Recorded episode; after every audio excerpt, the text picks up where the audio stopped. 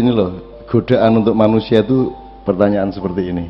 Kue nek bojomu meteng kue gelem nrimo bayu bayimu sok-sok nek wis cetha rupane apa? Wis ben wae meteng kok pokoke nek wis lahir lagi kue ngerti rupane. Apa kue kudu ngerti rupane sik lagi bodomu kok tengi ngono? Eh Nanti masih materi, mas yang tanya aja ya. Gimana mas? Jadi pokoknya sing penting mbuh engko piye rupane penting bojoku meteng ngono lho. Dadi kowe iki aja aja njaluk saiki sing jenenge ketemu Gusti Allah masuk ke gelombang saat iki piye rupane wujude iki aja takon saiki. Apike piye? Kowe gare gelem ora rono, engko nek kowe takon saiki wujude Iya ya, kaya engko kowe gelem gawe lagu nek wis jelas payu, ngono to. Ya aja kowe gelem nyupir taksi nek jelas pen, sing penumpange pira, ngono ayo ora sida nyambut gawe kowe. Jadi ndak usah nanya itu, pokoknya dinikmati aja perjalanannya itu, bukan bukan bukan panennya yang kamu nikmati, perjalanannya. Bentuknya bagaimana tan kino yang ngopo, tan kino kini rolaisa kamidli syai'un. Ngono Dik. Walam nek kowe mengandalkan pengetahuan nganti tekan semono kowe tidak bisa menikmati tidak tahu. Orang ngerti ki penting ya. Kita tidak ngerti itu penting jadi bukan hanya ngerti penting itu. Nggak ngerti itu ya penting.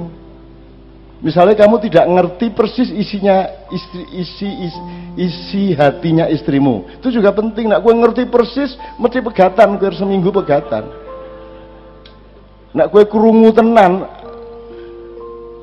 atine kae ngomong apa? Aku iki sering janjane nek ora tak kuat-kuatke atiku ki ya pengen matane akeh wong aku. Lah aku ngerti atine kae ngomong ngene ngerti saka mripate aku wis ketara wisan, wis ketok. Dan saya menahan diri jangan sampai saya tahu. Jadi sok-sok kuping tak buntu, meripat tak tutupi. Karena ketidaktahuan itu penting untuk saat yang tepat gitu loh, Dek. Itu piye to kowe iki? Apa kowe iki menempuh karier anggar wis jelas sok-sok aku dadi menteri ngono lah ya ora ta ya. Ya menempuh terus gitu ya Dik ya. Cedak ya. Jadi jangan tanya wujudnya nanti gimana kalau sudah ketemu gelombang kita sing kepriye. Wis to lakonono wae. Gitu loh. Iya ya. Ngono ya Dik ya.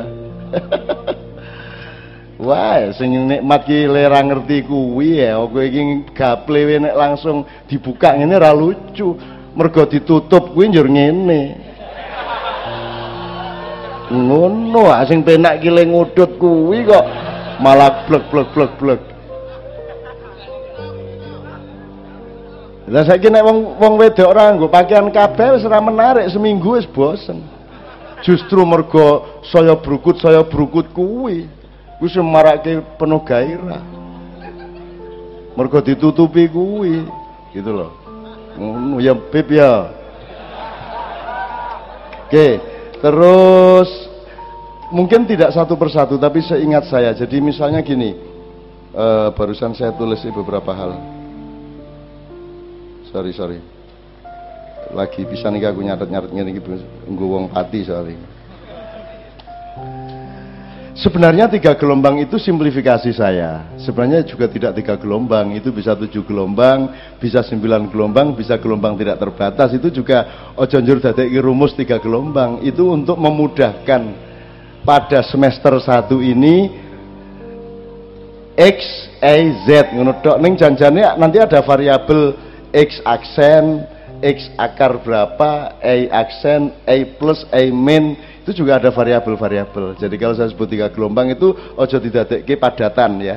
Itu cuma pintu untuk masuk. Nanti ketika Anda memasukinya, Anda akan menemukan.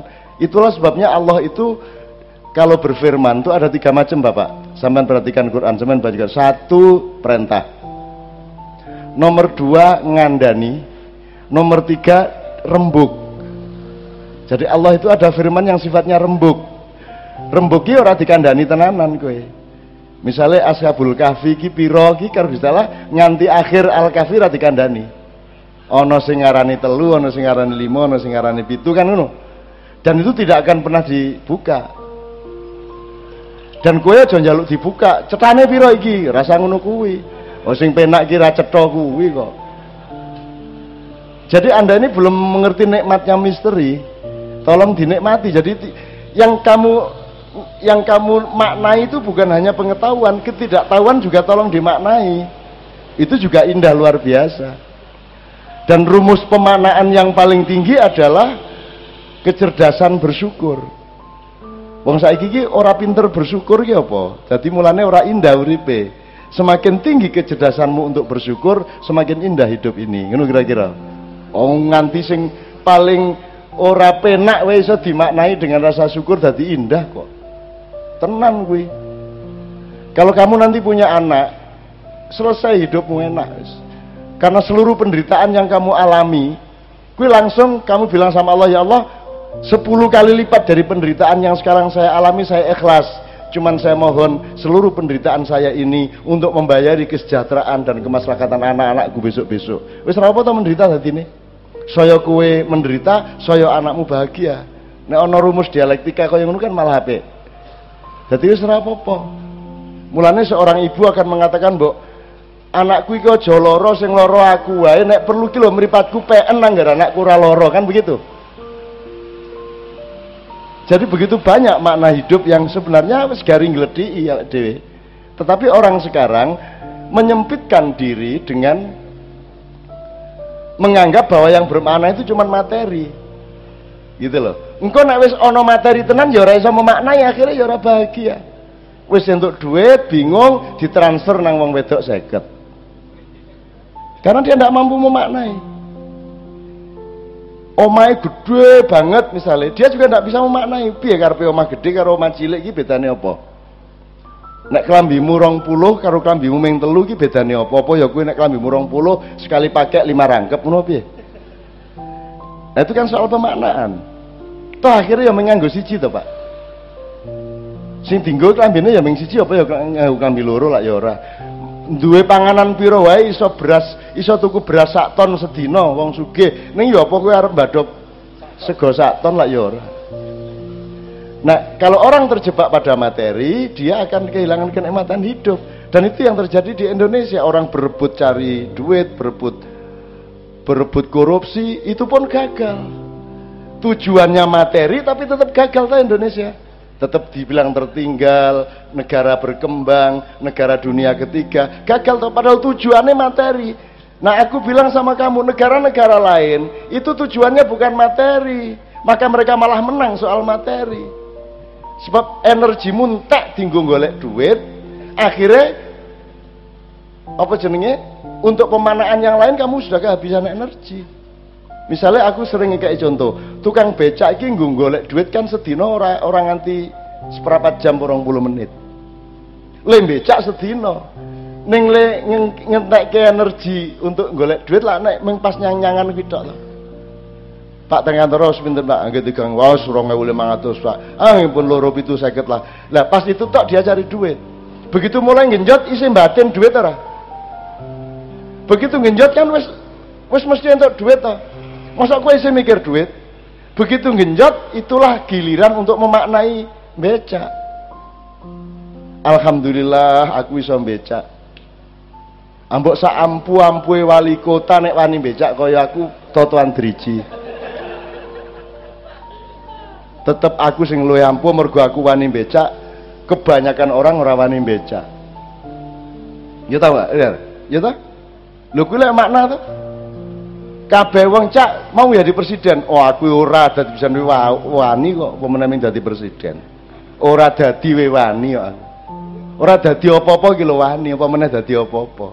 Jadi bukan tantangan untuk menjadi apa-apa bagi saya. Yang tantangan adalah orang duwe apa-apa ora dadi apa-apa. Wani kowe ke zaman biyen aku karo Habib Anis nang Tayu nang gone Kangmu nang gone Kang Ahmad ning Kudus. Ki yo ngene iki aku ora ora berubah secara karier keduniaan ora tahu berkembang aku. Gitu loh. Ora tahu berkembang. Ndolek duit ora tahu aku. Moh aku ngelakoni apa-apa dengan tujuan ndolek duit. Kuwi ngremehke Gusti Allah. Yuk kerja wae, kerja. Apa rep iki ana sewan mobil nang Klaten ning rong dina rong bengi. Oh iya Cak, ah, wis aku entuk piro sing nyetir untuk piro ngono nyambut gawe wae tak nikmati. Perkara untuk duit piro lah Gusti Allah sing tanggung jawab nang aku wae. Sak ngelangel gawe aku mosok ora tanggung jawab. Ya toh? Emang Allah nggak tanggung jawab. Kok kue jurung diwangi nyolong-nyolong? Gue lak ngersula sing gawe kowe. Pisuwe lho kowe bendina karo Gusti Allah tujuane Gusti Allah aku. Nek aku nambah sedina meso ping 3000 asu itu mangsane aku orang kayak rezeki dia wangi nyolong-nyolong. Asu bajingan kan. Oh, bayangin aku Gusti Allah mesti misah misuh kata bendino aku yang gawe iki tenanan aku tanggung jawab gitu loh aku melindungi aku kayak fasilitas aku kayak rezeki wong aku sing gawe lah ngono ya?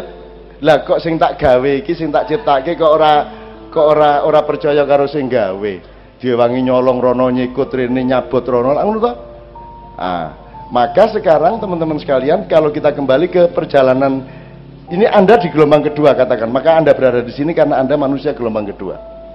Sekarang kan pertarungan Anda kowe dimagnet oleh yang pertama atau dimagnet oleh yang ketiga. Kowe dewe cenderung pengen apa? Kamu ingin diserap Allah atau diserap oleh batu bata? Kan begitu ceritanya. Ya pasti Anda memilih diserap oleh Allah dan tolong bertahan jangan tanya bentuknya diserap oleh Allah piye ya. Oh, misteri ini malah ning kuno kuwi ya.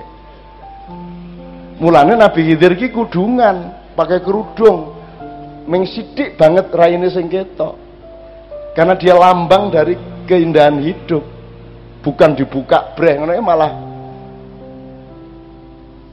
Mulane wong wong wong lanang iki ora di aurate ming semene tutup auratnya kalau itu lah rodo soalnya wong lanang ora perlu di larang-larang buka aurat ah rumah samu menarik apa piye ambok kowe buka kaya ngopo malah melayu to doan nah juji banget to Jadi ora perlu aturan to nek wong wedok ki rada ana saat-saat yang menarik sehingga dikongkon nutupi kan gitu. Nek wong lanang ora perlu hukum.